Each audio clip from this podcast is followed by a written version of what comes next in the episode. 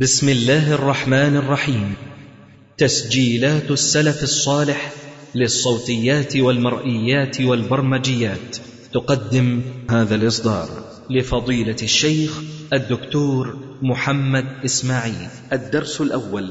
الحمد لله نحمده ونستعينه ونستغفره ونعوذ بالله من شرور أنفسنا ومن سيئات أعمالنا. من يهده الله فلا مضل له ومن يضلل فلا هادي له. وأشهد أن لا إله إلا الله وحده لا شريك له وأشهد أن محمدا عبده ورسوله. اللهم صل على محمد النبي وأزواجه أمهات المؤمنين وذريته وأهل بيته كما صليت على آل إبراهيم إنك حميد مجيد. أما بعد فإن أصدق الحديث كتاب الله وأحسن الهدي هدي محمد صلى الله عليه وسلم وشر الأمور محدثاتها وكل محدثة بدعة وكل بدعة ضلالة وكل ضلالة في النار. ثم أما بعد آثرت أن نتدارس الكتاب الذي حدثتكم عنه كثيرا. كنت أتمنى أن أدرسه كاملا مع أنه يقع في ثلاث مجلدات وهو كتاب أصول مذهب الشيعة الإمامية الاثني عشرية أصول مذهب الشيعة الإمامية الاثني عشرية وهذا كتاب له قصة كما سنذكر إن شاء الله تعالى. كتاب تأليف الدكتور ناصر ابن عبد الله ابن علي القفاري. والحقيقة يعني رغم طول الكتاب لكننا محتاجون إلى مثل هذا الملف بالنسبة للظروف التي نتعرض لها. ففي الحقيقة المد الرافضي والتبشير بدين الرافضة حقيقة واقعة وليس خطرا متوقعا. وباعتراف الجميع أن الشباب ليس عنده مناعة كافية. الدعاء والعلماء مقصرون في توعية الناس بالفرق بين دين الإسلام كما أنزله الله على قلب نبيه محمد صلى الله عليه وسلم وكما حملته الأجيال من لدن الصحابة إلى يومنا هذا وبين دين الرافضة المحدث دين الحقد والخرافة الحقيقة الواقعة التي يتعامى عنها كثير من الناس حتى الآن مع أن الجميع يصرخ وتتوارد الأنباء بتشيع كثير من الشباب وبداية تغلغل سرطان البؤر السرطانية الشيعية في داخل مجتمعاتنا وبالذات في مصر لأن الرافضة لهم أطماع واضحة جدا في مصر وهم يعتبرون أن مصر قد سلبت من أيديهم على يد صلاح الدين الأيوبي فهم جاهدون ساعون في استردادها وإعادتها إلى ما كانت عليه. حتى وجد أحمد راسم النفيس الشيعي الضل وجد في نفسه الجرأة أن يقول إن مصر هي لنا نحن. مصر أصلا شيعية فاطمية عبيدية وصلاح الدين الأيوبي هو الذي حولها إلى السنة طريق القهر والتعذيب والقتل والتهجير والتشريد إلى إلى آخر هذه الادعاءات. فهو طبعا يكفر صلاح الدين الأيوبي ويكره صلاح الدين الأيوبي ويرى أن المسلمي مصر هؤلاء يعني ارتدوا عن دين الشيعة إلى دين الإسلام ودين أهل السنة والجماعة.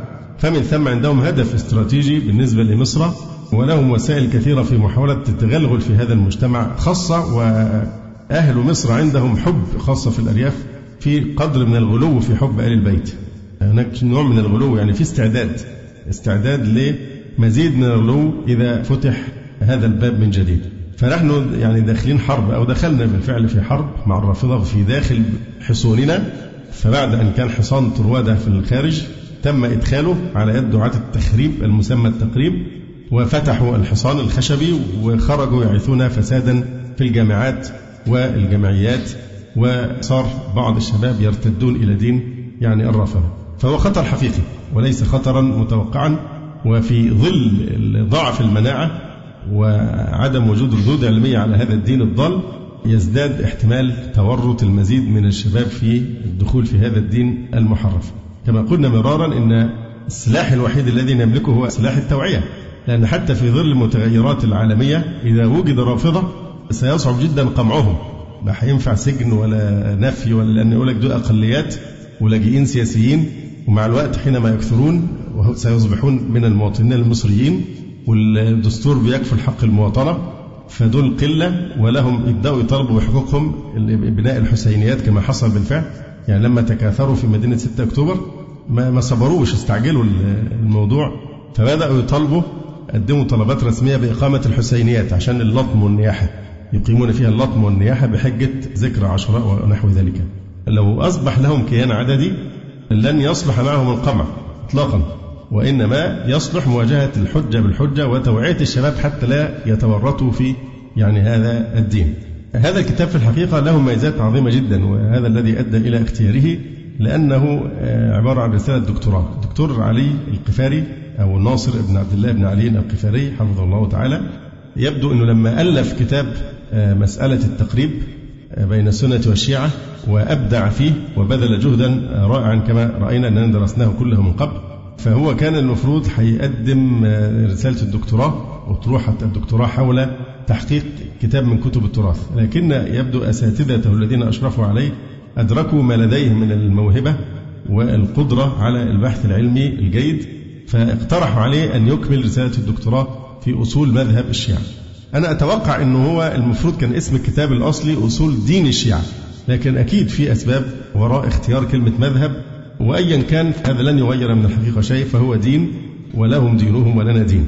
ليست هذه القضية الآن لكن الكتاب له ميزات علمية عالية المستوى لأنه كما سنقرأ في المدخل والمقدمة بذل جهدا كبيرا في الاطلاع على مراجع الشيعة بنفسه فالكتاب مأخوذ من كتب الشيعة المقدسة عندهم والمعتبرة بلا خلاف بين الرافضة. بجانب المنهجية العلمية الراقية التي سلكها في إعداد هذه الأطروحة بالإضافة إلى أن مثل هذه الرسائل الجامعية بتمر على مصفات الأساتذة الكبار القديرين والشيوخ الأفاضل والعلماء المحققين من أساتذته فبيضمن أنها بتكون يعني صفيت وهذبت وتحت إشراف هؤلاء العلماء الأفاضل. خاصة الدكتور محمد رشاد سالم رحمه الله تعالى فإنه الذي أشرف أساسا على هذه الرسالة وأعان يعني الباحث في إعدادها.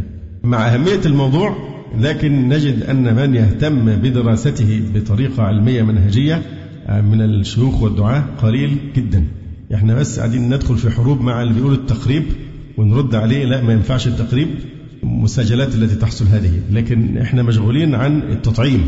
والوقاية من الدرجة الأولى بمنع حدوث المرض عن طريق توعية الناس وتطعيمهم بالفهم الصحيح لدين الشيعة وما الفرق بينه وبين دين الإسلام على أساس علمي.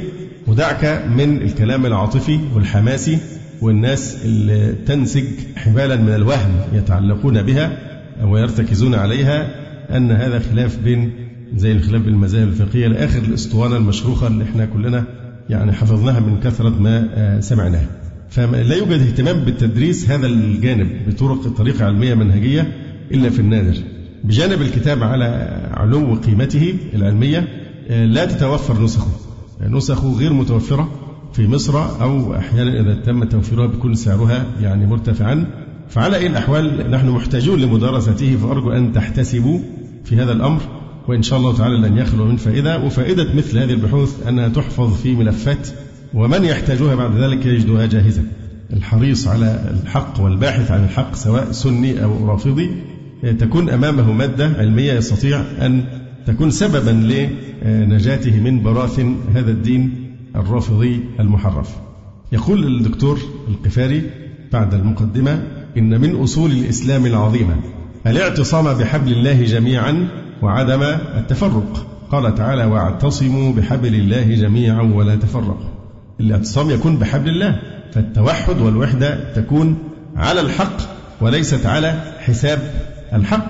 والنبي صلى الله عليه وسلم حينما أخبر بحصول الفرقة في هذه الأمة وستفترق أمتي على 73 فرقة كلها في النار إلا واحدة أو قال فإنه من يعش منكم بعدي فسيرى اختلافا كثيرا. هو توقع بحصول مرض الاختلاف ولم يكتفي بذلك بل أرشدنا إلى علاج الاختلاف. فإنه من يعش منكم بعدي فسيرى اختلافا كثيرا. ما العلاج؟ فعليكم بسنتي. وسنة الخلفاء الراشدين المهديين. عضوا عليها بالنواجذ وإياكم ومحدثات الأمور فإن كل محدثة بدعة إلى آخر الحديث. فإذا آه، وصف الداء ووصف معه أيضا الدواء. فالكلام العاطفي اللي بيخدع الناس ويقولوا لهم دي زي الخلاف بين الحنفي والشافعي والمالكي والحنبلي ومسائل بسيطة خالص. هو بيضحك على مين؟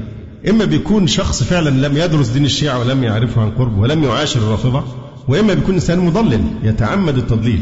ودي في الصحفيين كثيرة جدا. يعني الصحفيين بيكتبوا مقالات زي شقق الإيجار والمفروش والتمليك حسب ما بيدفع الإيه؟ الزبون.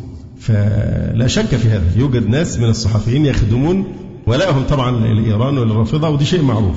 لأن الاستفزاز الذي يحصل من خلال بعض الجرائد إن واحد يعمل عدد كامل بيتكلم فيه يمحضه لمناقب ويمدح الخميني وحسن نصر وأحمد نجادي أو أحمدي نجادي. ويظهرهم بذورة الأبطال والصامدين والرموز وكذا وكذا.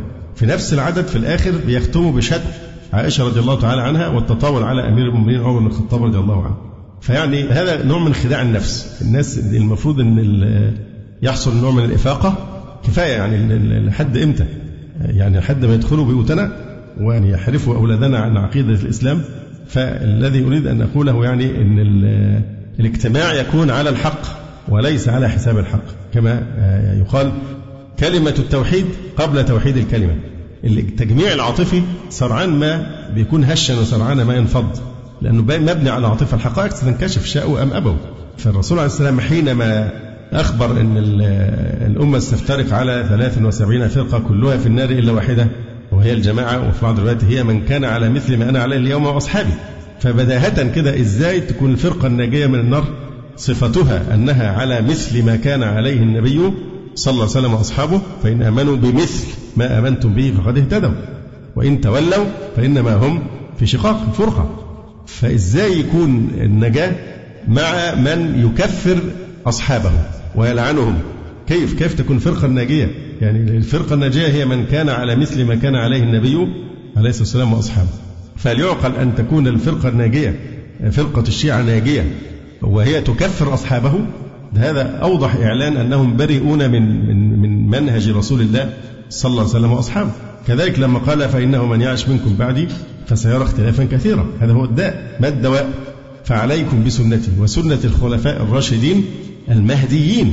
الخلفاء الأربعة. عضوا عليها بالنواجذ وإياكم ومحدثات الأمور. إذا طبقنا هذا على واقع الرافضة فلا شك أنهم معاندون لسنة الخلفاء الراشدين المهديين. حتى علي بن أبي طالب لأن علي بن أبي طالب رضي الله عنه لا يمكن أن يقبل ما خربه الرافضة في دين الإسلام. ودعواهم حب علي وحب آل البيت ما هي إلا كدعوى النصارى حينما يزعمون أنهم أقرب لعيسى وأنهم أحباب عيسى أو اليهود في حق موسى عليه السلام. هل نحن أولى بموسى أم اليهود؟ نحن لأننا على دين الإسلام الذي جاء به موسى. كذلك نحن أولى أم النصارى الذين يتفانون في حب عيسى حتى عبدوه من دون الله. من أولى؟ عيسى مع مين؟ عيسى معنا. وهذا ليس مجرد كلام. الرسول قال لو كان موسى حيا ما وسعه إلا أن يتبعني.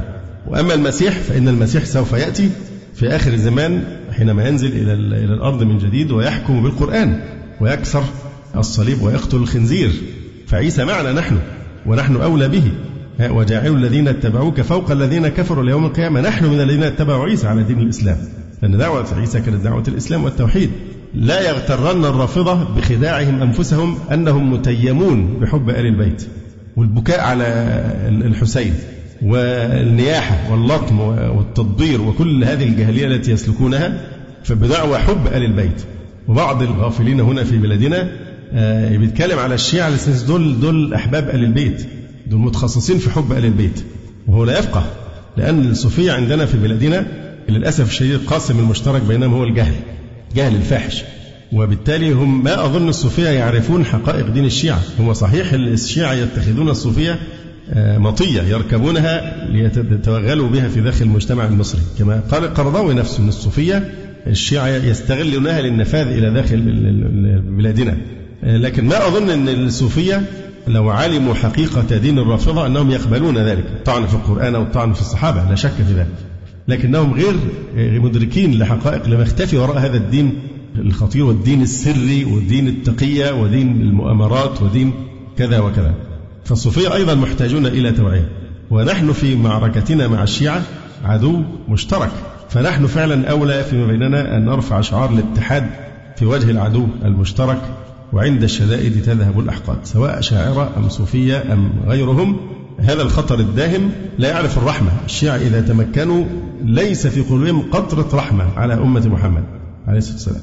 وهذا كلام ليس كلاما نظريا النموذج مطبق واضح جدا ما حصل في العراق المذابح الإجرامية التي كانت مثل مذابح البوسنة والهرسك. فمذابح التي أقاموها لشباب أهل السنة قتل على الهوية في الشوارع وإحنا ولا كأن دول جزء من جسدنا. ولا كأن الإخوة في العراق والشباب الذين قتلوا وما زالوا يطردون لهم جزء من كياننا يفترض أن نتألم لألمهم وأن نشاركهم يعني أحزانهم ومعاناتهم. فالواقع سواء حتى داخل إيران منذ بداية قيام ثورتهم أهل السنة يعانون أشد أنواع المعاناة الاضطهاد القتل التشريد في أهل السنة في داخل إيران. هذا تطبيق عملي فما بالك لو أتوا إلى بلادنا؟ ومعروف قوي التعذيب اللي كان بيحصل في العراق يعني من الحاجات المشهورة يجيبوا الأخ يعني يعلقوه على السقف من رجليه زي الشاه ويذبح حتى يصفى دمه. القتل بالشنيور وهو صاحي يثقبون عينه بالمثقاب أو الشنيور أو في المخ. أشياء في منتهى البشاعة يعني حتى إذا قتلتم أحسنوا القتلة. لكن يتشفون في أهل السنة. لماذا؟ هو في اللاوعي الجمعي عند الشيعة مترسخ إن إحنا مسؤولين عن قتل الحسين. هي كده بالعافية. إحنا المشاركين في قتل الحسين وإحنا من أشياع معاوية رضي الله تعالى عنه في زعمهم يعني معاوية الذي يعتدونهم عليه. أو ان إحنا من أشياع بني أمية وهو كلاء بني أمية وان في نوع من المشاركة زي ما نكون إحنا نصارى يعني بنتوارث الخطيئة الأصلية. فهم ينظرون إلينا إن إحنا إيه؟ مسؤولين عن قتل الحسين وبالتالي ينبغي أن ينتقموا منا. على أي الأحوال الذي دفعنا إلى هذا الاستطراد؟ استدلال المصنف هنا بقوله تعالى واعتصموا بحبل الله. فلا ننظر نعتصم فقط لكن لازم الاعتصام بحبل الله الدين الذي أنزله الله سبحانه وتعالى. والرسول عليه السلام أخبر الفرقة الناجية هي من كان على مثل ما كان عليه هو وأصحابه. فما بالك بمن يكفر أصحابه؟ ما بالك بمن يكفر بالسنة؟ لأن الشيعة لا يعترفون بسنتنا. ويجي واحد يخدع المسلمين ويكذب عليهم ويقول لهم إحنا متفقين معاهم على الكتاب والسنة. سنة إيه؟ متفصل. إيه المقصود بالسنة؟ فالسنة عندهم غير السنة عندنا تماما. كما آه، سيوضح إن شاء الله تعالى. وقال سبحانه إن الذين فرقوا دينهم وكانوا شيعا لست منهم في شيء. وقد كان المسلمون على ما بعث الله به رسوله من الهدى ودين الحق الموافق لصحيح المنقول وصريح المعقول. هي طبعا الفتن بدأت أساسا بقتل أمير المؤمنين عمر رضي الله تعالى عنه. ولذلك يقول ابن الحطيئة طويت سعادة المسلمين في أكفان عمر.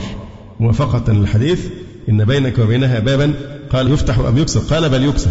ففهم عمر أنه سوف يقتل رضي الله عنه هو الباب الذي يحول دون حصول آه، الفتن. فطويت سعادة المسلمين في أكفان عمر. كان مفتاح الفتن الذي حصلت هي قتل أمير المؤمنين عمر رضي الله تعالى عنه. ولما قتل عثمان رضي الله عنه ووقعت الفتنة فاقتتل المسلمون بصفين مرقت المارقة التي قال فيها النبي صلى الله عليه وسلم تمرق مارقة على حين فرقة من المسلمين يقتلهم أولى الطائفتين بالحق. وكان مروقها لما حكم الحكمان وتفرق الناس على غير اتفاق. وطبعا المارقة هنا مقصود بها الخوارج.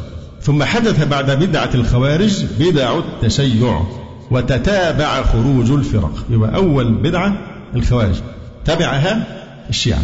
وتتابع خروج الفرق كما أخبر بذلك المصطفى صلى الله عليه وآله وسلم. وقد خرج التشيع من الكوفة ولذلك جاء في أخبار الشيعة بأنه لم يقبل دعوتهم من أمصار المسلمين إلا الكوفة. ثم انتشر بعد ذلك في غيرها كما خرج الإرجاء أيضا من الكوفة. وظهر القدر والاعتزال والنسك الفاسد من البصرة وظهر التجهم من ناحية خراسان. وكان ظهور هذه البدع بحسب البعد عن الدار النبوية أي عن المدينة النبوية آه، المباركة. لأن البدعة لا تنمو وتنتشر إلا في ظل الجهل وغيبة أهل العلم والإيمان. ولذلك قال بعض السلف من سعادة الحدث والأعجمي أن يوفقهما الله للعالم من أهل السنة. لأن الإنسان يتعصب لأول شيء يتعلمه ولأول كتاب يقرأه ولأول شيخ يعلمه. وربما كان زحزحة جبل أسهل من زحزحة واحد عن التعصب لشيخه أو المذهب الذي انتمى إليه أول ما انتمى إلا أن يريد الله به خيرا فأشرح صدره للحق. فلذلك يذكر من سعادة الحدث أي الناشئ الصغير والأعجمي يعني إذا أسلم أن يوفقهما الله للعالم من أهل السنة أن هذا سيوفر عليه عمرا طويلا يمكن أن يضيع في التجول بين الفرق الضالة. وذلك لسرعة تأثر هؤلاء بأعاصير الفتنة والبدعة لضعف قدرتهم على معرفة ضلالها واكتشاف عوارها. ولذا فإن خير منهج لمقاومة البدعة ودرء الفرقة هو نشر السنة بين الناس وبيان ضلال الخارجين عنها. ولذلك نهض أئمة السنة بهذا الأمر وبينوا حال أهل البدعة وردوا شبهاتها. هذا هو منهج السلف الرد على أهل البدع وكشف زيغهم وضلالهم. ليس التستر عليهم ليس تجميل وجههم القبيح. يقول كما فعل الإمام أحمد في الرد على الزنادقة والجهمية والإمام البخاري في الرد على الجهمية وابن قتيبة في الرد على الجهمية والمشبهة والدارمي في الرد على بشر المريسي وغيرهم. ولا شك بأن بيان حال الفرق الخارية عن الجماعة والمجانبة للسنة ضروري لرفع الالتباس وبيان الحق للناس ونشر دين الله سبحانه وإقامة الحجة على تلك الطوائف ليهلك من هلك عن بينة ويحيى من حي عن بينة. فإن الحق لا يكاد يخفى على أحد وإنما يضلل هؤلاء أتباعهم بالشبهات والأقوال الموهمة. ولذلك فإن أتباع تلك الطوائف هم ما بين زنديق أو جاهل ومن الضروري تعليم الجاهل وكشف حال الزنديق ليعرف ويحذر. وبيان حال أئمة البدع المخالفة للكتاب والسنة واجب باتفاق المسلمين. حتى قيل لأحمد بن حنبل الرجل يصوم ويصلي ويعتكف أحب إليك أو يتكلم في أهل البدع. فقال إذا قام وصلى واعتكف فإنما هو لنفسه وإذا تكلم في أهل البدع فإنما هو للمسلمين وهذا أفضل. فبين أن نفع هذا عام للمسلمين في دينهم من جنس الجهاد في سبيل الله إذ تطهير سبيل الله ودينه ومنهاجه وشرعته ودفع بغي هؤلاء وعدوانهم على ذلك واجب باتفاق المسلمين. يعني زي ما اتكلمنا أيام فتنة حسن نصر. يعني الكلام كله كان إيه؟ الموجة الحماسية الشديدة من الشباب جهاد ويضرب اليهود بالصواريخ إلى آخر هذا كله. هو الجهاد وسيلة أم غاية؟ وسيلة وسيلة لإعزاز دين الله سبحانه وتعالى ونشر الحق ودرء دفع الباطل. فالجهاد وسيلة واضح لنشر الدين الحق. فحتى لو اجتمعنا مع الرافضة على الجهاد كوسيلة. طيب هم هم يجاهدون في سبيل أي دين؟ إذا حصل لهم التمكين ما هو الدين الذي سيحكمون به؟ دين الرافضة ليس دين الإسلام. ثم إنه لم يكن جهادا. ده كله عبارة عن ألاعيب سياسية كانت حربا بالوكالة عن إيران. لأهداف معروفة وإذا حكمت عليها من حصادها وعواقبها لأدركت أنها لم تكن نصرا بأي معنى من معاني النصر إطلاقا بالعكس كل عواقبها كانت ضد مصلحة المسلمين وفي خدمة اليهود لأن يكفي أن المقاومة انتهت تماما اللي بيسموها مقاومة المقاومة الميكروفونية دي انتهت انتهت تماما ولم يعد لها حس ولا خبر انتهى تماما ببركات الشاطر الحسن.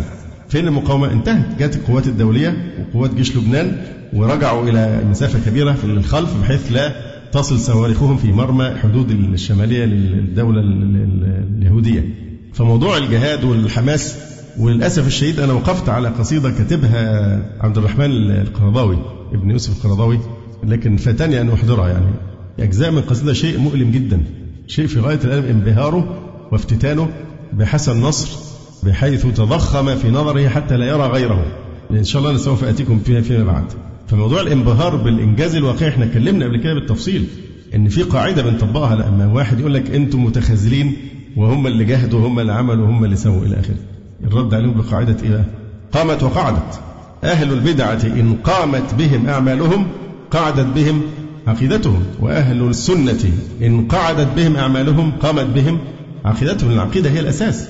يقول فبين أي الإمام أحمد أن نفع هذا أي الرد على أهل البدع عام للمسلمين في دينهم وهو من جنس الجهاد في سبيل الله إذ تطهير سبيل الله ودينه ومنهاجه وشرعته ودفع بغي هؤلاء وعدوانهم على ذلك واجب باتفاق المسلمين. ولولا من يقيمه الله لدفع ضرر هؤلاء لفسد الدين. كما يقول الشاعر من الدين كشف الستر عن كل كاذب وعن كل بدعي أتى بالعجائب. ولولا رجال مؤمنون لهدمت صوامع دين الله من كل جانب. يقول ولولا من يقيمه الله لدفع ضرر هؤلاء لفسد الدين وكان فساده أعظم من فساد استيلاء العدو من أهل الحرب. فإن هؤلاء إذا استولوا لم يفسدوا القلوب وما فيها من الدين إلا تبعا. عشان كده بعض الناس ساعات تستغرب لما نقول إن الشيعة أخطر من اليهود. من حيثية معينة هم أخطر قطعا. هل اليهود يبشر بدينه؟ اليهود عندهم دين عنصري. والإله إلههم هو إله بني إسرائيل. وباقي الخلق دول خلقوا ليركبها اليهود كالحمير. هذا في التلمود. فما عندهمش تبشير باليهودية. وبالتالي مش هيجوا لنا يدعونا إن إحنا ندخل في دين اليهودية. أما الرافضة فسهل جدا أن يتغلغلوا بحجة حب آل البيت. وإن هم مظلومين والكلام بيتقال عليهم ده كلام غير حقيقي وظلم يا ظالما وكأنه مظلوم. فالخطر من هذه الحيثية إن دول تحت ستار الإسلام والتقريب والوحدة بين المسلمين وإنه شيء واحد بيبدأوا يتوغلوا ويبشرون بدينهم. فمن هذه الحيثية قطعا الرافضة أخطر من اليهود ها؟ يقول ولولا من يقيمه الله لدفع ضرر هؤلاء لفسد الدين وكان فساده أعظم من فساد استيلاء العدو من أهل الحرب. فإن هؤلاء إذا استولوا لم يفسدوا القلوب وما فيها من الدين إلا تبعا. وأما أولئك فهم يفسدون القلوب ابتداء. وقد وجد العدو المتربص بالأمة في هذه الفرق الخارجة عن الجماعة وسيلة لإيقاع الفتنة في الأمة. ولا يبعد أنه اليوم يريد أن يستثمر هذه المسألة لمواجهة بوادر البعث الإسلامي المتنامي في أرجاء المعمورة. والوقوف في وجه الصحوة الإسلامية التي امتدت إلى عقر داره وهو يتخذ من تقارير مستشاريه الذين يهتمون أبلغ الاهتمام بتاريخ تلك الطوائف وعقائدها منهجا يحتذيه في علاقته مع المسلمين ودولهم. ولذا نلحظ أنه يغذي بعض هذه الطوائف ويهيئ الوسائل لوصولها لدفة الحكم والتوجيه. ولا شك أن بيان الحق في أمر هذه الفرق فيه تفويت للفرصة أمام العدو لتوسيع رقعة الخلاف واستمراره فإن ترك رؤوس زنادقة البدع يسعون لإضلال الناس ويعملون على تكثير سوادهم والتغرير بأتباعهم ويدعون أن ما هم عليه هو الإسلام هو من باب الصد عن دين الله وشرعه. حتى أن من أسباب خروج الملاحدة ظنهم أن الإسلام هو ما عليه فرق أهل البدعة. يعني الملاحدة الذين يرتدون تماما عن الدين بيكون سبب خروجهم ورفضهم الإسلام إيه؟ أنهم لا يطلعون إلا على أهل البدع فيكفرون بهذا الدين ولا يطلعون على منهاج أهل الحق أهل السنة والجماعة. يقول حتى أن من أسباب خروج الملاحدة ظنهم أن الإسلام هو ما عليه فرق أهل البدعة ورأوا أن ذلك فاسد في العقل فكفروا بالدين أصلا. ومعظم الفرق التي خرجت عن الجماعة ضعف نشاطها اليوم وفتر حماسها وتقلص أتباعها وانكفأت على نفسها وقلت منابذتها لأهل السنة. أما طائفة الشيعة فإن هجومها على أهل السنة وتجريحها لرجالهم وطعنها في مذهبهم وسعيها لنشر التشيع بينهم يزداد يوما بعد يوم. ولعل طائفة الاثني عشرية هي أشد فرق الشيعة سعيا في هذا الباب لإضلال العباد. إن لم تكن الفرقة الوحيدة التي تكثر من التطاول على السنة والكيد لها على الدوام مما لا تجده عند فرقة أخرى. ولقد كانت صلتي بقضية الشيعة تعود إلى مرحلة الماجستير حيث كان موضوعها فكرة التقريب بين أهل السنة والشيعة.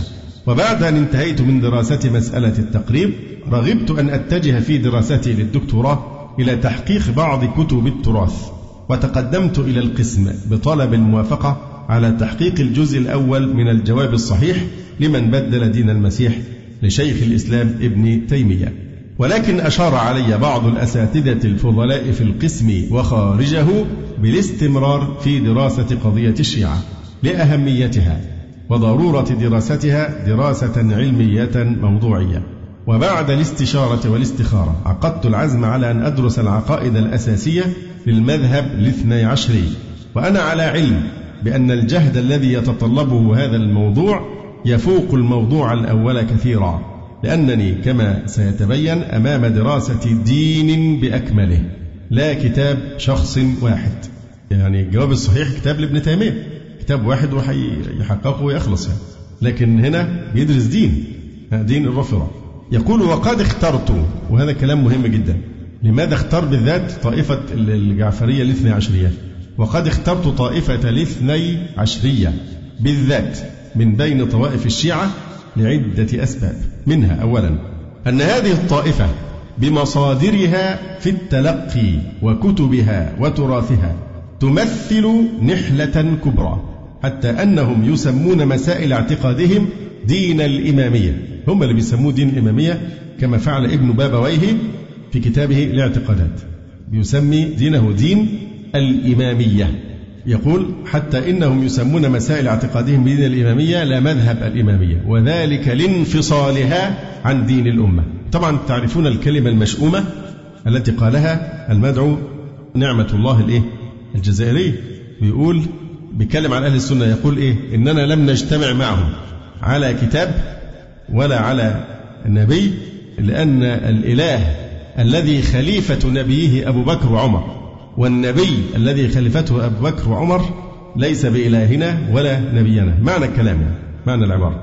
فهو يتبرأ من دين الإسلام يقول أن الإله اللي يبقى خليفة نبيه أبو بكر وعمر وعثمان والنبي الذي يكون خليفته بكر وعمر هذا ليس نبينا وهذا الإله ليس إلهنا. صدقت؟ هو صادق في هذا. يقول وبحسبك أن تعرف أن أحد مصادرها في الحديث عن الأئمة يبلغ مئة وعشرة مجلدات وهو بحار الأنوار لشيخهم المجلسي توفي سنة 1111 هجرية. له كتاب في الحديث عن الأئمة 110 مجلد. ثانيا اهتمام هذه الطائفة بنشر مذهبها والدعوة إليه. وعندها دعاة متفرغون ومنظمون. فطبعا المذهب الآن يتبناه دولة في دولة بتتبناه ولم تخفي حقيقة الأمر أن هدف من أهداف هذه الدولة الإيرانية إيه؟ تصدير ثورة ده شيء أساسي تصدير الثورة لكل بلاد العالم. طبعا مش كل بلاد العالم هم لا يدخلون بلاد الكفار للدعوة وإنما فقط يتمركزون حول اصطياد شباب المسلمين. دولة لها ميزانية ولها أساليبها الملتوية ولها رجالها ولها تنظيماتها ولها سفاراتها ولها إعلامها ولها قنواتها. فإحنا الآن في حرب داخلين في حرب ده جهاد. في حرب مع عدو جديد يظهر للإسلام بهذه الصورة. يقول اهتمام هذه الطائفة بنشر مذهبها والدعوة إليه. وعندها دعاة متفرغون ومنظمون ولها في كل مكان غالبا خلية ونشاط. وتوجه جل اهتمامها في الدعوة لنحلتها في أوساط أهل السنة. ولا أظن أن طائفة من طوائف البدع تبلغ شأوى هذه الطائفة في العمل لنشر معتقدها والاهتمام بذلك. وهي اليوم تسعى جاهدة لنشر مذهبها في العالم الإسلامي وتصدير ثورتها وإقامة دولتها الكبرى بمختلف الوسائل. وقد تشيع بسبب الجهود التي يبذلها شيوخ الاثني عشرية الكثير من شباب المسلمين. ومن يطالع كتاب عنوان المجد في تاريخ البصرة ونجد يهوله الأمر حيث يجد قبائل بأكملها قد تشيعت. وبشؤم جماعات التقريب في العراق بعد العراق ما كان الأغلبية فيه سنية ده كمان قبل التطورات الأخيرة قبل أن يؤول إليهم الحكم في العراق. حصل تسامح مع الرافضة تحت ستار التقريب أدى إلى تشيع قبائل بأكملها من العراق. طبعا أحدثت خلل في التوازن الإيه؟ الديموغرافي يعني بين السنة والشيعة في العراق وحصل ما نراه الآن. يقول وقد تحولت سفارات دولة الشيعة في إيران إلى مراكز للدعوة إلى مذهبها في صفوف الطلبة. يعني في داخل البلاد الإسلامية السفارات تمارس هذا الدور أيضا التبشيري. والعاملين المسلمين في العالم وهي تهتم بدعوة المسلمين أكثر من اهتمامها بدعوة الكافرين. ولا شك أن المسؤولية كبيرة في إيضاح الحقيقة أمام المسلمين ولا سيما الذين دخلوا في سلك التشيع حبا لأهل البيت واعتقادا منهم أن هذا الطريق عين الحق وطريق الصدق. يبقى السبب الأول أن هذه الطائفة تمثل بمصادرها ومرجعياتها نحلة كبرى لها أصولها ولها مصادرها. ثانيا نشاط هذه الطائفة في الدعوة والتبشير بمذهبها. ثالثا أن هذه هي الطائفة الشيعية الكبرى في عالم اليوم. قبل ما نكمل الكلام في طبعا مغالطات بتحصل في الكلام. الناس مش عارف الناس دي يعني بتتكلم إزاي بعض الدعاة. يقول لك جناحي الأمة ما يقولوا بالمرة كمان هم عنصري الأمة. الأمة الإسلامية بجناحيها. جناحيها إيه؟ من الناحية العددية الشيعة قلة وذلة. من الناحية العددية هم طائفة أي لها صوت و... لأن دولة بتخدم هذا المذهب. لكن في الناحية العددية لو المسلمين دلوقتي إيه؟ داخلين على مليار ونصف مليار. نسبة الشيعة فيهم مش هتزيد عن 100 مليون. لو قلنا حتى يعني ضربناه في اثنين كمان قلنا 200 مليون ما قيمتهم بالنسبة؟ فهم ريشة صغيرة جدا في داخل الجناح. وليسوا جناحين. يقول لك جناحي الأمة. جناح الأمة ليه؟ لماذا تنفخون في حجمهم إلى هذا الحد؟ هم من الناحية العددية ما يساوون شيئا بالنسبة لأهل السنة. الأغلبية الكاسحة. فمش جناحين ولا حاجة. الحمد لله الجناحين في عافية وعلى الإسلام وعلى السنة. فإن كان ولا بد اعتبارهم جزءا من الجسد فهم ريشة في الجناح من ناحية الثقل العددي.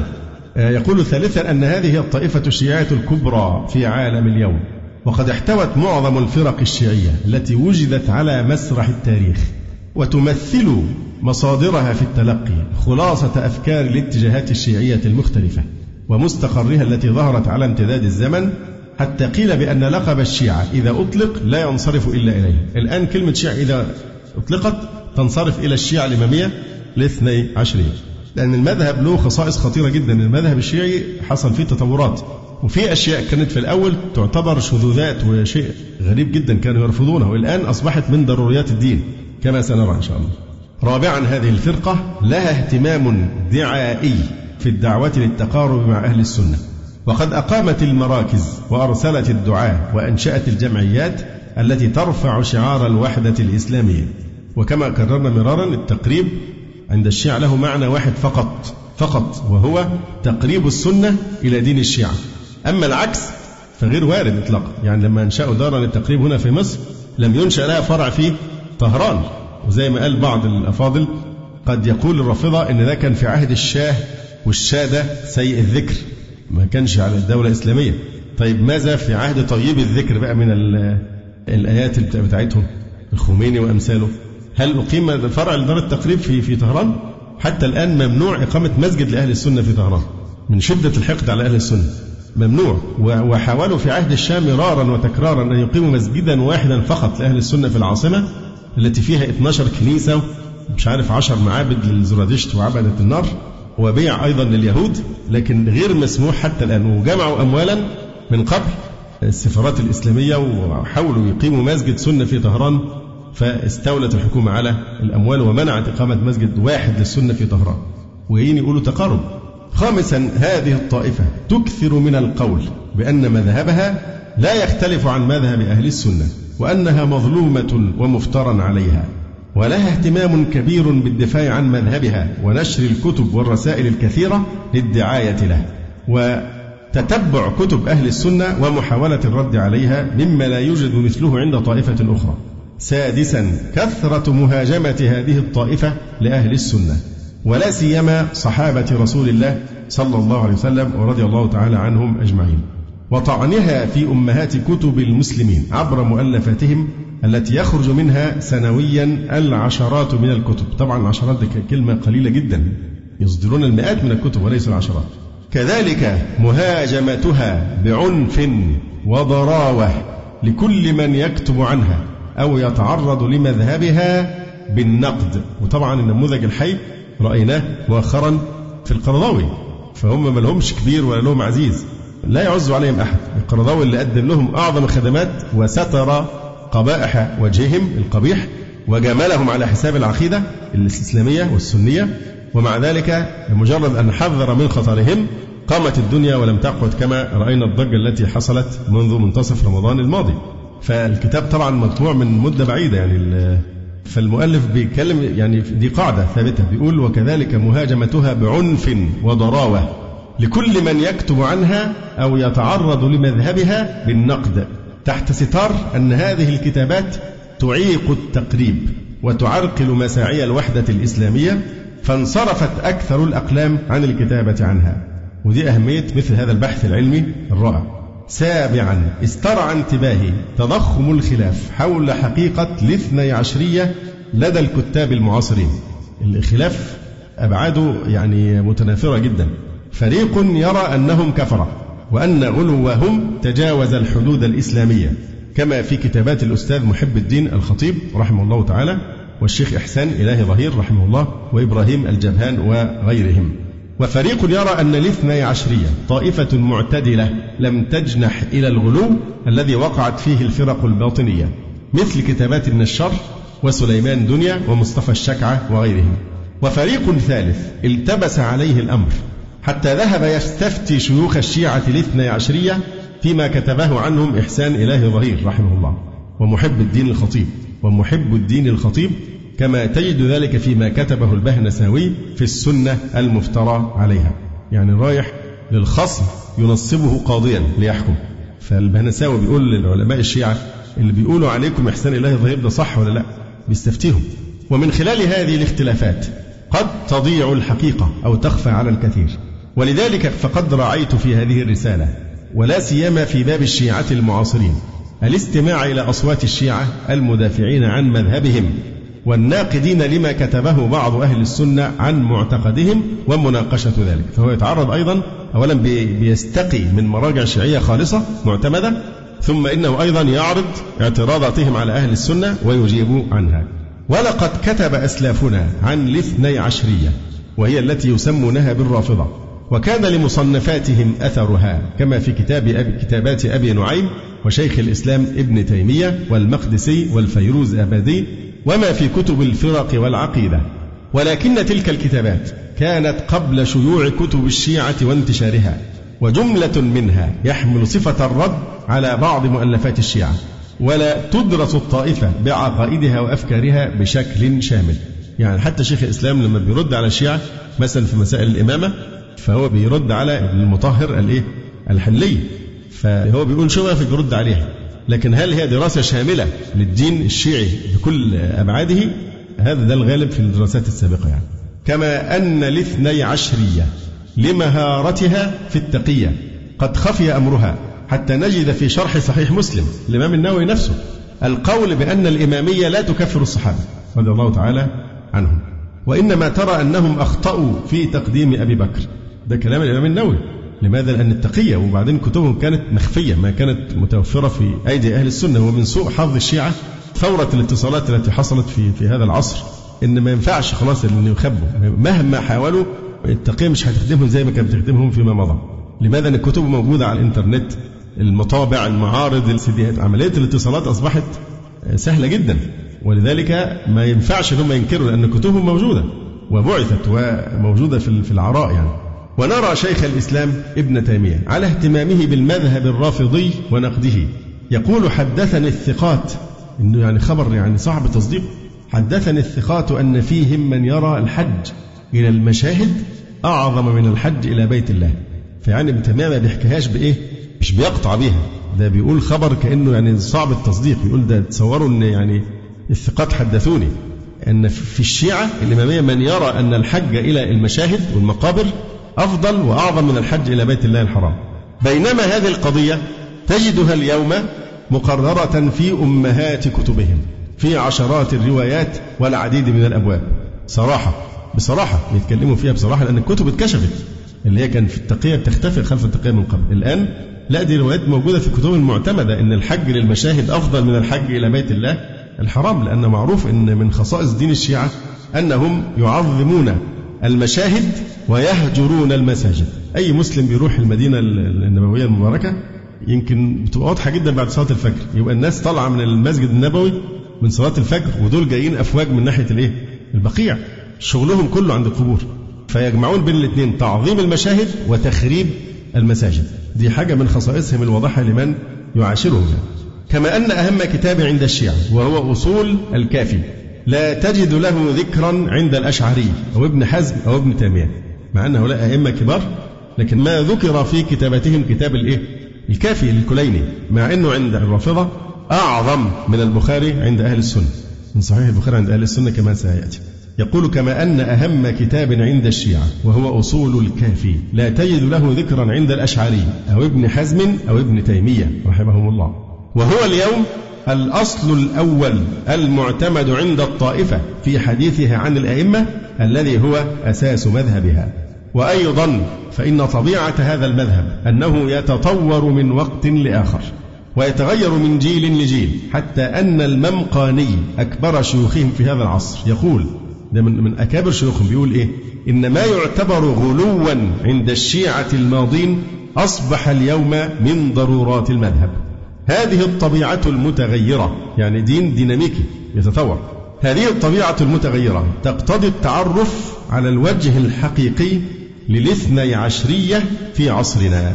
كما أن جل الردود التي تسود المصنفات التي كتبها الأئمة السابقون رحمة الله عليهم أجمعين هي على شبهات يثيرها الشيعة من كتب السنة نفسها فيرد عليها أهل السنة مبينين أن تلك النصوص التي يتمسك بها الشيعة إما موضوعة وإما ضعيفة أو أنها بعيدة عن استدلالهم الفاسد.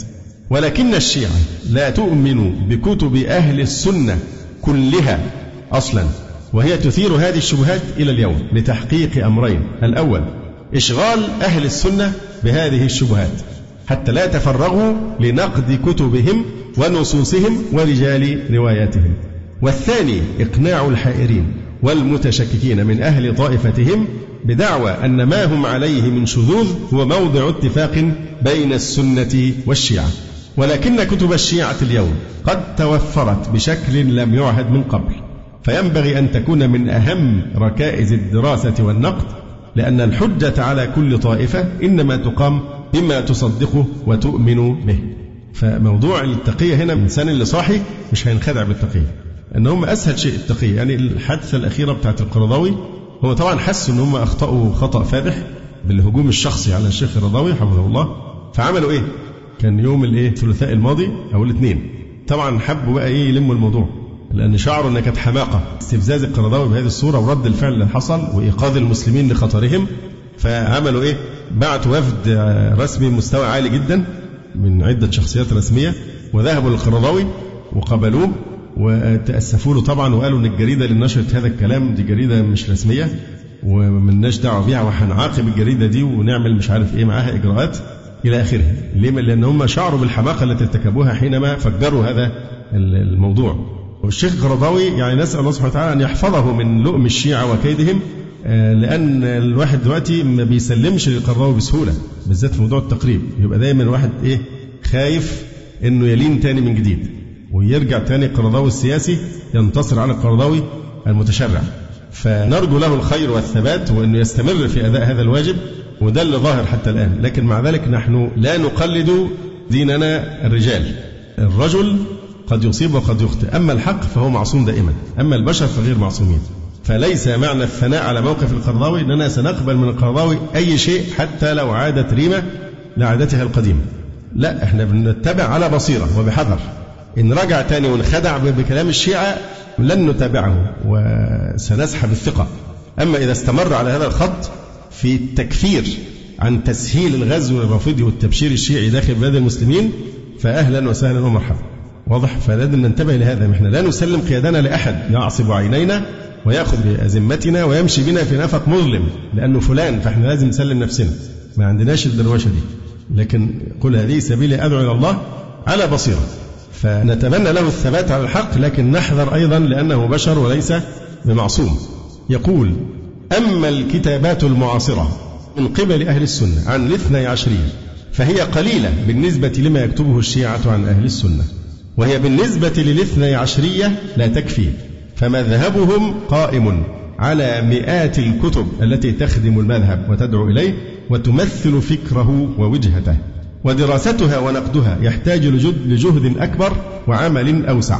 ولقد رأيت في هذه المؤلفات أنها أغفلت جوانب مهمة في دراسة الاثني عشرية كعقيدتهم مثلا في أصول الدين وهو ما حاولت القيام بدراسته في الباب الثاني من هذه الرسالة. كذلك معرفة آراء المعاصرين من الشيعة وتوجهاتهم وصلتهم بالفرق القديمة وكتبهم السابقة وهو ما يتحدث عنه الباب الرابع. والموضوع حقيقة كان من السعة والتشعب بحيث يحتاج إلى دراسات جديدة ترتاد آفاقا ما زالت مجهولة في المذهب الاثني عشري وذلك نحوت في دراسة الموضوع منحا علميا تكشفت فيه معالم جديدة لعل من أبرزها ما يلي. أولا دراسة مذهب الاثني عشرية في أصول الدين وهي منطقة في معظم مسائلها مجهولة لأن الشيعة يتسترون عليها. والباحثين من أهل السنة لم يطرقوها. وقد شكل ذلك بابا كاملا في الرسالة وهو الباب الثاني. ثانيا أماطت هذه الدراسة اللثام عن عقائد لم يطرقها أحد من قبل حسب علمي كعقيدة أن القرآن ليس حجة إلا بقيم وأن جل القرآن نزل فيهم وفي أعدائهم وعقيدة الظهور وعقيدة الطينة ودعوى تنزل كتب إلهية على الأئمة. والباحثون يخلطون بينها وبين عقيدة التحريف عند الشيعة. كما كشفت عن متى بدأت فرية التحريف أي تحريف القرآن المزعوم في المذهب الاثنى عشري وأول كتاب سجلت فيه هذه الفرية واكتشاف وضع هذا الكتاب ومتى وضع. كذلك تم اكتشاف صلة شيخ الإسلام ابن تيمية وكتابه منهاج السنة بأكبر تحول في تقديم النصوص عندهم وتقسيمها إلى صحيح وضعيف وموثق. مجاهدة شيخ الإسلام ابن تيمية وتأليف هذا الكتاب وتصديه للرافضة هو الذي لفتهم إلى معرفة محاولة تحري الأحاديث وتقسيمها إلى صحيح وضعيف وموثق. فهم أصلا هذا كان رد فعل من إيه؟ من طريقة ابن تيمية في النقاش. فقبل ذلك ما يعرفون أصلا تحقيق الأحاديث أبدا. وحققت القول بوجود المهدي الذي يقوم عليه مذهب الاثني عشرية اليوم. وعرض شهادات مهمة صادرة من أسرة الحسن العسكري وأهل البيت والحسن العسكري نفسه ومأخوذة من كتب الشيعة ذاتها. تثبت أن ما فيش أصلا شخص اسمه محمد بن الحسن العسكري. وغير ذلك مما قد يجده الباحث في هذه الرسالة. وإنني أذكر هذه المسائل حتى تتضح للقارئ مواضع الإضافة التي يمكن أن يفيد منها. ذلك أنني حاولت أن أكتفي في المسائل المبحوثة بالإشارة أو الإتيان بنصوص جديدة كما في مسألة تكفيرهم للشيخين والتي نجد النصوص التي تكشف تورط الشيعة فيها من خلال ما كتبه الشيخ موسى جار الله وإحسان إله ظهير وغيرهما فحاولت أن أقدم نصوصا شيعية تعبر عن الشيخين برموز خاصة ثم أوردت تفسيرها من كتب الاثنى عشرية نفسها. أما عن المنهج الذي حكم أسلوب معالجتي للموضوع والجديد الذي يحتمل إضافته فإن أبواب هذا البحث خير من يتحدث عنه. وإن كان لابد من إشارات في هذا التقديم فأقول قد عمدت في بداية رحلتي مع الشيعة وكتبها ألا أنظر في المصادر الناقلة عنهم. ودي أهمية البحث بحث علمي. ما ينفعش ينقل عن مصدر وسيط لكن لازم يرجع للأصول والمصادر المقدسة عندهم. يقول عمدت ألا أنظر في المصادر الناقلة عنهم وأن أتعامل مباشرة مع الكتاب الشيعي حتى لا يتوجه البحث وجهة أخرى. وحاولت جهد الطاقة أن أكون موضوعيا ضمن الإطار الذي يتطلبه موضوع له صلة وثيقة بالعقيدة كموضوع هذا. والموضوعية الصادقة أن تنقل من كتبهم بأمانة وأن تختار المصادر المعتمدة عندهم. وأن تعدل في الحكم وأن تحرص على الروايات الموثقة عندهم أو المستفيضة في مصادرهم ما أمكن. أما إنكار ما أخف عليه من منكر وبيان فساده فهذا ليس خروجا عن الموضوعية بل هو جزء من واجب كل مسلم. فمن يتعرض لكتاب الله سبحانه وتعالى ويدعي فيه نقصا أو تحريفا أو يقول بأن عليا هو الأول والآخر والظاهر والباطن وأمثال هذه الكفريات الظاهرة لا تملك إلا أن تصمه بما يستحقه وأن تظهر فداحة جرمه وشناعة معتقده وإلا كان في الأمر خداع وتغرير بالقارئ المسلم. ولذلك فإنني أعرض لعقائدهم بمنهج نقدي وحينما أجد أن المسألة تحتاج إلى دراسة نقدية أكثر تفصيلا أعقد لذلك بحثا مستقلا. ولا ألتزم ذلك دائما لأن في جملة من العقائد ما يكفي لمعرفة حقيقتها بمجرد عرضها. ولهذا ذكر شيخ الإسلام ابن تيمية رحمه الله أن تصور المذهب الباطل يكفي في بيان فساده ولا يحتاج مع حسن التصور إلى دليل آخر. وإنما تقع الشبهة لأن أكثر الناس لا يفهمون حقيقة قولهم وقصدهم لما فيه من الألفاظ المجملة المشتركة. ولذلك فإنني أحيانا أكتفي بمجرد تصوير حقيقة القول والإشارة إلى بطلانه ولا سيما في المسائل الجزئية. كما أنني في مسائل المذهب الكبار كمسألة النص أو الصحابة أزيد على ذلك بنقل المقالة من خلال الكتاب والسنة وأقوال أئمتهم والأمور المعلومة والمتفق عليها. وأسلك بوجه عام في مناقشتهم منهج النقد الداخلي للنصوص وذلك عن طريق مقارنة هذه النصوص بعضها ببعض وبيان ما بينها من تناقض ومفارقات ما أمكن ذلك. كما أنني أحيانا أناقشهم على وفق منطقهم وبمقتضى مقرراتهم وقواعدهم وعلى ضوء روايتهم ولا يعني هذا الموافقة على تلك الأصول. هذا نوع من التنزل مع الخصم. ولا يعني هذا الموافقة على تلك الأصول وقبول تلك الروايات وإنما هو منهج في النقد لكشف حقيقة المذهب وخروجه عن أصوله وعمله ببعض رواياته وترك الآخر. ثم إنني في عرضي لعقائدهم ألتزم النقل من مصادرهم المعتمدة لكن لا أغفل في الغالب ما قالته المصادر الأخرى. ووضع الأمرين أمام القارئ مفيد جدا للموازنة والمقارنة ومعرفة مدى اطلاع الأوائل على معتقد الشيعة ومقدار التغير في المذهب الشيعي عبر القرون. كما قمت بتخريج ما يرد في البحث من الأحاديث والآثار والتعريف بالفرق والملل وبيان المصطلحات. وكذلك الترجمة للأعلام الذين لهم دور في تأسيس بعض عقائد الشيعة. أو ما تدعو حاجة البحث لمعرفته. أما الترجمة لكل عالم يرد فهذا يشغل القارئ عن الموضوع الأساسي وهو موضوع مكانه كتب التاريخ والتراجم. ولذلك فإني التزمت التعريف بكل فرقة ترد لأن هذا هو الأقرب للتخصص والموضوع. ولقد اكتنفت دراستي عدة صعوبات. أولها أن كتب الرواية عند الشيعة لا تحظى بفهرسة وليس لها تنظيم معين كما هو الحال في كتب أهل السنة. ولذلك فإن الأمر اقتضى مني قراءة طويلة في كتب حديثهم حتى تصفحت البحار بكامل مجلداته وأحيانا أقرأ الباب رواية رواية وقرأت أصول الكافي وتصفحت وسائل الشيعة. وكانت الروايات التي أحتاج إليها تبلغ المئات في كل مسألة في الغالب. فلا تستطيع أن تكتب عن هذه المسألة حتى تستكمل قراءة هذه الأخبار. وأرجع كثيرا إلى شروح الكافي كشرح جامع المزندراني لفهم وجهة نظر شيوخهم في الروايات. ثانيا رحلت في البحث عن الكتاب الشيعي إلى مصر ودي من أهمية الكتاب أن إحنا صعب ولله الحمد أن إحنا عندنا الشيعة محترمين يعني وهو فيعني المراجع غير متوفرة. فغالبا إحنا بننقل عن الإيه؟ الكتب التي ألفت ألفها أهل السنة عن الشيعة. فميزة البحث هنا أنه بيتعامل مع مصادرهم بطريقة مباشرة. مش كل واحد يقدر يسافر ويلف مكتبات العالم يعني. يقول رحلت في البحث عن الكتاب الشيعي إلى مصر والعراق والبحرين والكويت والباكستان وحصلت من خلال ذلك على مصادر مهمة أفدت منها في أبواب هذا البحث وفصوله ثالثا طول المسافة الزمنية التي شملها البحث والتي امتدت منذ نشأة الشيعة حتى اليوم. فأمامي عشرات الكتب الشيعية في مختلف العصور. أمضيت وقتا طويلا في تتبعها وملاحقة التطور العقدي للشيعة في امتدادها. ثم يقول عن مصادر الرسالة اعتمدت في دراستي عنهم على مصادرهم المعتبرة من كتب التفسير والحديث والرجال والعقائد والفرق والفقه والأصول. ففي كتب التفسير رجعت إلى تفسير علي بن إبراهيم القمي والذي قالوا عنه بأنه أصل أصول التفاسير عندهم. ووثق روايته شيخ مشايخهم في هذا العصر الذي يلقبونه بالإمام الأكبر وهو أبو القاسم الخوئي. يقول ولذا نحن نحكم بوثاقة جميع مشايخ علي بن إبراهيم القمي الذي روى عنهم في تفسيره مع انتهاء السند إلى أحد المعصومين. والقمي عندهم ثقة في الحديث ثبت معتمد كان في عصر الإمام العسكري وعاش إلى سنة سبع وثلاثمائة.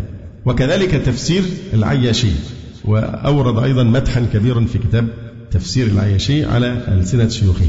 وتفسير فرات ابن إبراهيم ابن فرات الكوفي وأيضا أضاف من تفسير الصافي للكشاني والبرهان في تفسير القرآن للبحراني ومرآة الأنوار مشكاة الأسرار للفتوني تلميذ المجلسي صاحب البحار. وهم يمدحون طبعا هؤلاء القوم. يعني. وأصحاب الكتب السابقة كلهم اللي هم معتمدين والشيعة يمدحونهم جدا ويعتبرونهم حجة في التفسير يقول هنا وأصحاب الكتب السابقة كلهم قالوا بتحريف القرآن. ولا شك أن ما اعتقد ذلك فهو ليس من أهل القبلة ولكني أنقل توثيقاتهم لشيوخهم. أما كتب حديثهم وهي روايتهم عن الأئمة فقد رجعت لمصادرهم المعتمدة عندهم وهي الكتب الأربعة كافي والتهذيب والاستبصار. ومن لا يحضره الفقيه. قال شيخهم المعاصر محمد صادق الصدر إن الشيعة مجمعة على اعتبار الكتب الأربعة وقائلة بصحة كل ما فيها من روايات. وهذا مهم جدا علشان لما يحاولوا يخدعونا نقول لهم لا أنتم عندكم الكذب دين وعبادة تقية. لكن حدثونا عن كتبكم ما حكم من يقول بتحريف القرآن؟ لابد أن يقولوا كافر. وما حكم هذه الكتب؟ لابد أن يقولوا يجب أن تحرق. لكنهم لا يفعلون ذلك ابدا ابدا. ثم الكتب الأربعة المتأخرة الوافي وبحار الأنوار والوسائل ومستدرك الوسائل. إذا مصادرهم الرئيسية ثمانية. يقول عالمهم المعاصر محمد صالح الحائري. وأما صحاح الإمامية فهي ثمانية. أربعة منها للمحمدين الثلاثة الأوائل وثلاث بعدها للمحمدين الثلاثة الأواخر وثامنها لمحمد حسين المرحوم المعاصر النوري. وطبعا هيتكلم فيما بعد عن المصادر يعني. يعني حينما يناقش عقيدة الرافضة في السنة وأكثر ما رجعت إليه من هذه المصادر الثمانية كتابان هما أصول الكافي وبحار الأنوار لأنهما أكثر اهتماما بمسائل الاعتقاد ولأن الشيعة تعلق عليهما أهمية بالغة ممكن يعملوا لو هم صادقين يعملوا زي فكر الشيخ الألباني بغض النظر عن التحفظ عليها زي ما عمل في سنن أبي داود وابن ماجة والنسائي والترمذي صحيح الترمذي وضعيف الترمذي. صحيح الكتب دي لو أنتم صادقين اعملوا نفس الفكرة افصلوا كده الصحيح عن الايه؟ الغير موثق يعني. يقول الصدر عن الكافي ويعتبر الكافي عند الشيعة أوثق الكتب الأربعة. تبلغ أخباره 16199 آه، خبر. ولو لم يقم صاحب الكافي بجمع الروايات عن الأئمة في كتابه لما بقي منها إلا النزر اليسير. وقال يحكى أن الكافي عرض على المهدي ندخل في الخرافات بقى شوية إنه بيقول إن كتاب الكافي ده الناس كتير بتقول إن الكافي آه، عند الشيعة كالبخاري عند أهل السنة في المنزلة وهذا فيه تسامح كما سيبين المصنف هنا بيقول لا هو أقدس عندهم من البخاري عندنا لماذا؟ بيقول لك لأن الكافي وبعد ما عمل الكتاب راح عرضه على مين؟ على المهدي في السرداب فعرض عليه الكتاب الكافي فقال له إيه؟ كاف لشيعتنا عشان كده سماه الإيه؟ الكافي هو من الكافية آه. هذا ما يقوله الصدر وينسبه للشيعة عموما. ولهذا قال الشيخ محب الدين الخطيب رحمه الله تعالى إن الكافي عند الشيعة هو كصحيح البخاري عند المسلمين. يقول الدكتور القفاري وقد يكون في كلام الخطيب هذا بعض التسامح لأن غلوهم في الكافي أكثر. ألا ترى أنهم يقولون إن الكافي ألف إبان الصلة المباشرة بمهديهم في المرحلة اللي هي بتاعت الإيه؟ المرحلة اللي كان فيه اللي بيسموهم الأبواب. كان في وسايط بيروحوا يقابلوا المهدي وياخدوا منه الرقاع والفتاوى والحاجات دي ويستشيروه في المسائل. فده اللي أعطى الكافي هذه القدسية وهذا الغلو إن بيقولوا إنه ألف في إبان الصلة المباشرة بمهديهم وإنه عرض على المعصوم عندهم. فهو كما لو قال بعض أهل السنة إن صحيح البخاري تم عرضه على رسول الله صلى الله عليه وسلم لأن الإمام عندهم كالنبي الإمام البخاري ما يقول هذا ولا يدعي أحد أنه عرض أحاديث البخاري على الرسول عليه السلام والرسول أقره وإنما في قواعد النقد الحديث المعروفة يعني. ولذلك قالوا كانت منابع اطلاعات الكليني قطعية الاعتبار لأن باب العلم واستعلام حال تلك الكتب يعني التي جمع من خلال الكافي بواسطة سفراء القائم. بواسطة سفراء القائم اللي هم سفراء القائم اللي هو المهدي المنتظر. وسفراؤهم أبوابه الأربعة. فالباب العلم واستعلام حالة الكتب الحكم عليها وفحصها تم عن طريق السفراء اللي بين الكافي وبين مين؟ المهدي. بواسطة السفراء القائم كان مفتوحا عليه لكونهم معه في بلد واحد بغداد. بيتكلم على إمكانية اللقية هنا. إمكانية أن الحاجات دي تعرض على المهدي عن طريق الأربعة. لكن هو طبعا واضح إنه بيعتمد على مجرد مبدأ الايه؟ المعاصرة. ومنهم طبعا كما أسلفنا من يقول إن الكافي عرض على المهدي فقال كاف لشيعتنا. أما البحار فقالوا بأنه المرجع الوحيد لتحقيق معارف المذهب وعظموا من أمره كما سيأتي إن شاء الله. يقول ورجعت إلى كتب شيوخهم المعتمدين عندهم والتي يعدونها في الاعتبار والاعتماد كالكتب الأربعة. منها كتاب سليم بن قيس وهو أول كتاب ظهر للشيعة وهو من أصولهم المعتبرة كما سيتكلم فيما بعد بالتفصيل. كتب شيخهم أبي جعفر محمد بن علي بن بابويه القمي ثم كتب شيخ الطائفة الطوسي يقول رجعت إلى كتب العقيدة المعتمدة عندهم مثل اعتقادات ابن بابويه وأوائل المقالات للمفيد ونهج المسترشدين لابن المطهر الحلي والاعتقادات للمجلسي صاحب البحار وعقائد الإمامية المظفر من المعاصرين وعقائد الإمامية الاثنى عشر للزنجاني وهو أيضا معاصر. وفي عقائدهم التي تفردوا بها رجعت بالإضافة إلى ما مضى إلى ما كتب عن هذه العقائد مستقلا. ففي الغيبة رجعت إلى كتاب الغيبة لشيخهم محمد بن إبراهيم النعماني. وقالوا فيه المجلسي قال وكتاب النعماني من أجل الكتب. آه، كذلك يعني ذكر وفي اعتقادهم الرجعة أيضا كتب رجع إلى آه، ما كتبه الحر العاملي. الإيقاظ من الهجعة بالبرهان على الرجعة. وكذلك رجعت إلى ما كتبه بعض شيوخهم في المقالات والفرق. وفي كتب الرجال رجعت إلى مصادرهم المعتمدة في ذلك لا سيما كتبهم الأربعة.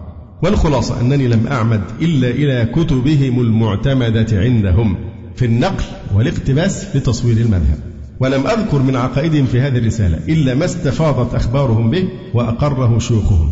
وقد تكون الروايات من الكثرة فأشير إلى ذلك بذكر عدد الروايات وعناوين الأبواب في المسائل التي أتحدث عنها. وأذكر ما أجد لهم من تصحيحات وحكم على الروايات بمقتضى مقاييسهم. كل ذلك حتى لا يقال بأننا نتجه إلى بعض رواياتهم الشاذة وأخبارهم الضعيفة التي لا تعبر عن حقيقة المذهب فنأخذ بها. واهتممت بالنقل الحرفي بين قوسين كلمة الحرفي. واهتممت بالنقل الحرفي في الغالب رعاية للموضوعية وضرورة الدقة في النقل والعزم وهذا ما يفرضه المنهج العلمي في نقل كلام الخصوم. ثم يعرض عرضا سريعا لخطة البحث فيقول يتكون هذا البحث من تمهيد وخمسة أبواب. في التمهيد التعريف بالشيعة ونشأتها وجذورها التاريخية وفرقها وألقاب الاثني عشرية وفرقها.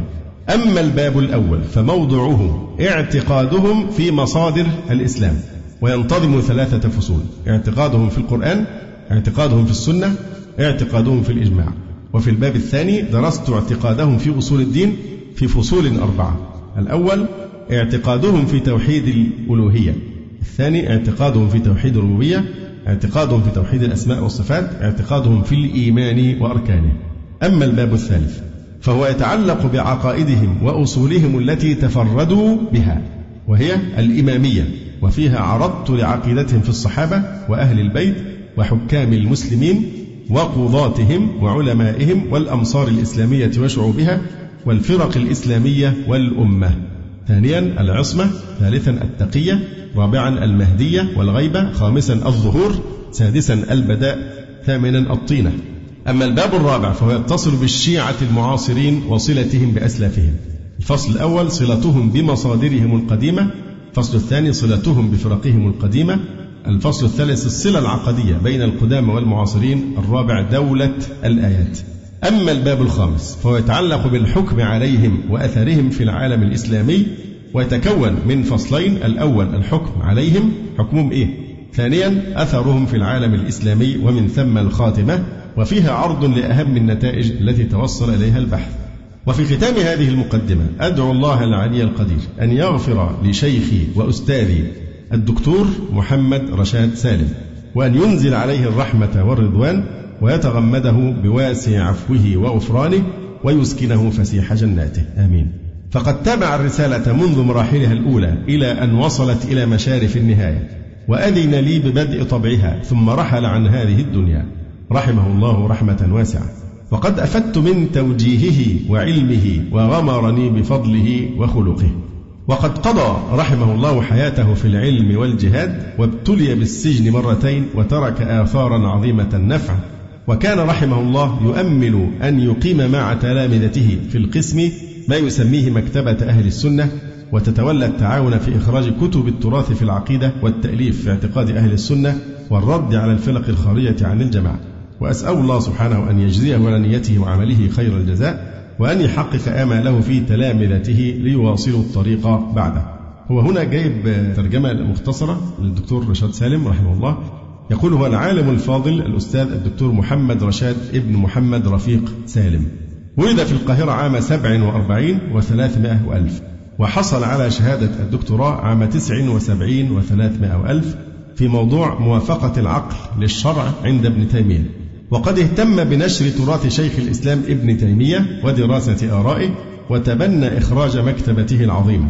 وقد حقق منها كتاب درء تعارض العقل والنقل في أحد عشر مجلدا وكتاب منهاج السنة النبوية في ثمان مجلدات وكتاب الصفدية في مجلدين والاستقامة في مجلدين وغيرها. وتوفي رحمه الله وهو يعمل في تحقيق كتاب نقد التأسيس في القاهرة في شهر ربيع الآخر عام سبع وأربعمائة وألف رحمه الله تعالى. هو الحقيقة ده آخر درس بيعطينا إياه المصنف في هذه الليلة وهو درس الوفاء يعني خلق الوفاء لشيخه. اتباعا لقول الله تعالى ولا تبخسوا الناس أشياءهم. فمن الوفاء أن يذكر الشيخ بالخير كما قال بعض السلف يعني يقبح بكم أن تستفيدوا منا ثم تذكرون ولا تترحموا علينا. فأقل شيء الترحم. أما في هذا الزمان فما نقول الترحم ولا الدعاء. ولا الدروشة بتقبيل الأيادي والرؤوس والانحناء وهذا هذه الدروشة لكن يكفي حتى كف الأذى. الشاعر بيقول خلنا في زماننا عن حديث المكارم. انسى في الزمان ده إنك تقعد تتكلم عن المكارم مكارم الأخلاق. خلنا في زماننا عن حديث المكارم. من كفى الناس شره فهو في جود حاتم. الشخص الكريم زي حاتم الطائي هو من يكف شر يكرمنا بأن يكف إيه؟ لسانه. خلنا في زماننا عن حديث المكارم. من كفى الناس شره فهو في جود حاتم. ويقول الآخر إن لفي زمن ترك القبيح به من أكثر الناس إحسان وإجمال. ده الكرم إنه يعني إيه؟ يكف أذاه عنك. وهذا نوع من التصدق طبعا أن تكف أذاك عن الناس. من لا حيلة له في إسداء الخير أو النطق بخير فليكف شر هذه صدقة. تكون صدقة منه على الناس. لن أفيض من هذا يمكن أنتم مستغربين من اللفتة دي. لكن أنا الذي يعني آه، حملني عليها كتاب قرأته لأحد الإخوة من إحدى المحافظات. يوزع مجانا كتاب كبير ومجلد بينتقد فيه بعض الدعاة السلفيين. بغض النظر هو محق أو غير محق دي قضية أخرى أنا لا أناقش الاختلافات. الاختلاف شيء عادي يعني. لكن آه، النبرة اللي ماشية اليومين دول الناس اللي بتتكلم على سلفية اسكندرية. أنا اسكندراني وفي الدعوة السلفية من حوالي 35 سنة عمري ما سمعت عن حاجة اسمها سلفية اسكندرية. ولا أعترف بأن في حاجة اسمها سلفية اسكندرية. ده يبقى ضلال مبين. إن تبقى سلفياتنا سلفية اسكندرية. كمان السلفية بقى لها انتماء للبلاد. ما فيش حاجة اسمها سلفية اسكندرية. هذا من التنابز بالألقاب. وهذا من أفعال الجاهلية. فما فيش سلفية اسكندرية وسلفية طنطا وسلفية آه، أسيوط. ما هذه النبرة وما هذا العدوان والتطاول؟ ليس هذا فحسب. ده الأخ بيتكلم على أن سلفية اسكندرية خوارج وفرقة من الفرق النارية التي أخبر عنها النبي صلى الله عليه وسلم فقال ستفترق أمتي على 73 فرقة كلها في النار إلا واحدة. لو واحد حدثني بهذا الكلام ما صدقته. إن في أحد يعني يطوع له قلبه أن يقول هذا في إخوانه وهو يدعي السلفية. لكن أنا قرأت بنفسي الكتاب عندي قرأت فيه. يعني هذا تنابز آه، مقيت وهذه جاهلية بغيضة. فدعوها فإنها منتنة أما موضوع المناقشة والاختلاف في قضايا ما في مشكلة أن يحصل اختلاف ويحصل نقاش علمي على أن يكون المنهج حاكما على الجميع. فمحاولة خنق المنهج السلفي بوصمه بأنه قطري أو حزبي أو عنصري أو تابع لبلد معينة ثم تغذى بقى النعرات بين البلاد وندخل في هذه الجاهلية فهذه أول مخالفة مفضوحة للمنهج السلفي الذي يرفض هذه العصبية والجاهلية المقيتة البغيضة. فالمنهج حاكم على الجميع. لا أحد يدعي العصمة لكن أصول هذا المنهج أصول معصومة وقواعد محددة ومضبوطة. فما الداعي إلى مثال هذا التطور؟ فنحن نقول يعني لا نريد أو لا يريد الإخوة الأفاضل في الدعوة المشايخ جزاء ولا شكورا ولا عايزين تقبيل الأيادي ولا تقبيل الرؤوس ولا انحناءات كالدراويش والصوفية. كفوا الأذى فقط ولا تعترفوا حتى بأي جهد بذل في هذه الدعوة لكن يكفي كف الأذى. خلنا في زماننا عن حديث المكارم من كفى الناس شره فهو في جود حاتم. فنرجو الأخ ده يكون يعني هذا النوع من الحاتم الطائي إنه يكف الأذى بس. أما إنه يتكلم على إن الإخوة في اسكندرية دي فرقة نارية صراحة فرقة ضالة من الفرق ال 72 فرقة النارية. فهذا عدوان الحقيقة يعني وفيه إجحاف شديد وفيه جحود وفيه يعني ما يليق بمثل هذا السلوك من أوصاف. لن نفيد في مثل هذا كان دفعني أيضا هذا الاستطراد. الأدب هنا مع شيخه أنه في نهاية البحث يعني يكون في نوع من الإيه؟ عدم الجحود والاعتراف بالفضل. والرسول عليه السلام يقول من لم يشكر الناس فقد كفر. يعني لابد أن من أسدى إليك جميلا أو أحسن لك إحسانا أن تقابله بإيه؟ على الأقل حتى بكف الأذى. أما آه، مثل هذا فطبعا شيء بغيض وأنا ما أحب أن أخوض في مثل هذه الأشياء. أتعب منها جدا. لكن أنا مستغرب كل شوية سلفية إسكندرية سلفية إسكندرية. إيه سلفية إسكندرية؟ نكمل الجزء اليسير من المقدمة حتى نتم هذا المدخل. يقول وأتوجه بالشكر والتقدير والعرفان بالجميل إلى شيخ الأستاذ الدكتور سالم بن عبد الله الدخيل الذي وافق على استكمال الإشراف على الرسالة إلى آخره. وبيشكر بقى القسم العقيدة ونحو ذلك. ثم يقول وأدعو الله سبحانه وتعالى أن يجزي بالخير كل من قدم لي مساعدة في هذه الرسالة. ونحن أيضا ندعو الله سبحانه وتعالى أن يجزي الدكتور آه، الفاضل ناصر بن عبد الله آه، ابن علي القفاري خيرا عن ذبه عن عقيدة أهل السنة وجهده الصادق في هاتين الأطروحتين الرائعتين. مسألة التقريب عند أهل السنة وأصول مذهب الشيعة الإمامية الاثنى عشرية عرض ونقد. نستكمل إن شاء الله تعالى يوم السبت القادم. أقول قولي هذا وأستغفر الله لي ولكم. سبحانك اللهم ربنا وبحمدك أشهد أن لا إله إلا أنت أستغفرك وأتوب إليك. جزى الله فضيلة الشيخ خير الجزاء. ونسأل الله جل وعلا أن يرفع مكانة الشيخ في المهديين وأن يجعله علما من أعلام الهدى والدين. ولا تنسونا وتنسوا الشيخ من دعوة صادقة بظهر الغيب. وتقبلوا تحيات إخوانكم في تسجيلات السلف الصالح بالإسكندرية. هاتف رقم صفر ثلاثة فاصل أربعة تسعة أربعة سبعة ستة خمسة اثنان. والتليفون محمول صفر عشرة واحد ستة أربعة واحد تسعة ثمانية صفر. والسلام عليكم ورحمة الله وبركاته.